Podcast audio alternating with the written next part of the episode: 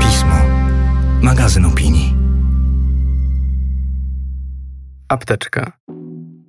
Czyli kulturalny niezbędnik złożony z najważniejszych książek, reprodukcji obrazów, filmów i płyt.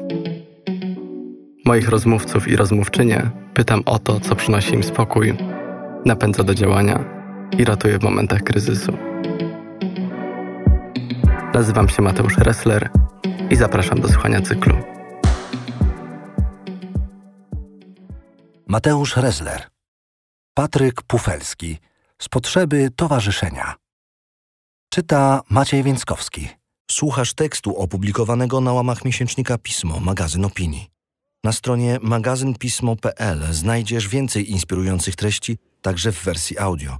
Wykup prenumeraty, aby zyskać dostęp do wszystkich artykułów, ilustracji i nagrań. Moja podręczna apteczka składa się przede wszystkim ze śladów spotkań, zapisków, pamiątek i wspomnień. Tym, co mnie napędza, jest właśnie kontakt z innymi ludźmi i zwierzętami, wzajemna wymiana doświadczeń, dzielenie się inspiracjami. Oczywiście przychodzi mi do głowy kilka tytułów książek, które dałyby mi chwilowe ukojenie, gdybym miał się nagle znaleźć na bezludnej wyspie, ale już sama wizja takiej izolacji wydaje mi się dość przygnębiająca.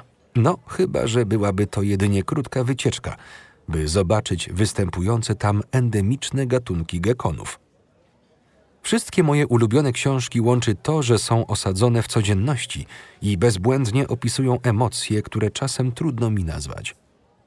Te z pozoru prozaiczne sprawy narodziny, pogrzeby, zmywanie naczyń, przesadzanie kwiatów urastają w nich do rangi sztuki, wzruszają mnie i kotwiczą w świecie. Śmierć pięknych saren, Oty Pawla, pensjonat Piotra Pazińskiego oraz rzeczy, których nie wyrzuciłem Marcina Wichy. Wiele literackich odkryć zawdzięczam mojej babci Wusi. Kiedy byłem młodszy, czytałem i nadal czytam wszystko, co mi poleciła.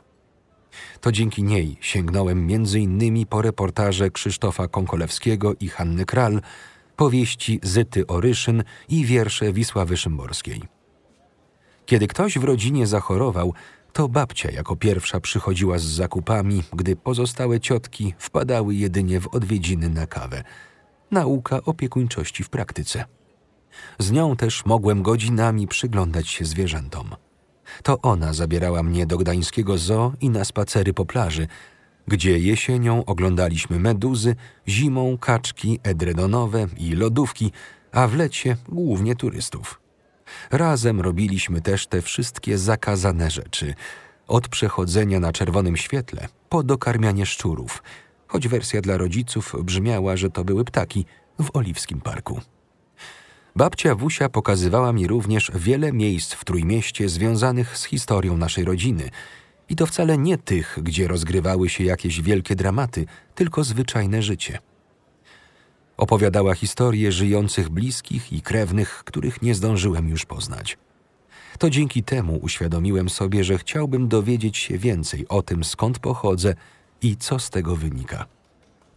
Przy okazji odkryłem też, jak dużą wartość ma samo słuchanie – Dzięki zapewnieniu przestrzeni do rozmowy można przecież dowiedzieć się więcej niż zasypując człowieka lawiną pytań. Równie ważny co z ludźmi jest dla mnie kontakt ze zwierzętami. Na możliwość przebywania w ich obecności trzeba sobie zapracować. Zaufanie przychodzi z czasem. Wiele zwierzęcych zachowań wymyka się jednak naszemu zrozumieniu. Próbujemy je antropomorfizować i stosujemy te wszystkie uproszczenia, mówiąc na przykład, że zwierzęta są smutne, a to po prostu ich naturalny wyraz pyska.